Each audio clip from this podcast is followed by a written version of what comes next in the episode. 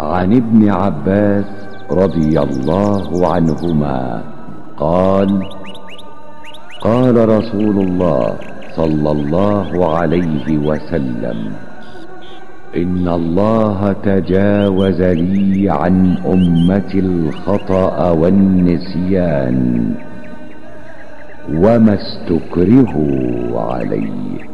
حديث حسن رواه ابن ماجه.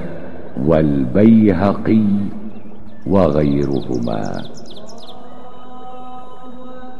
od Ibn Abbasa radi Allahu anhu prenosi se da je Allahu poslanik sallallahu alaihi sellem rekao Allah mi mom ummetu oprašta grijehe koje počine iz zaborava i ono što su učinili pod prinudom.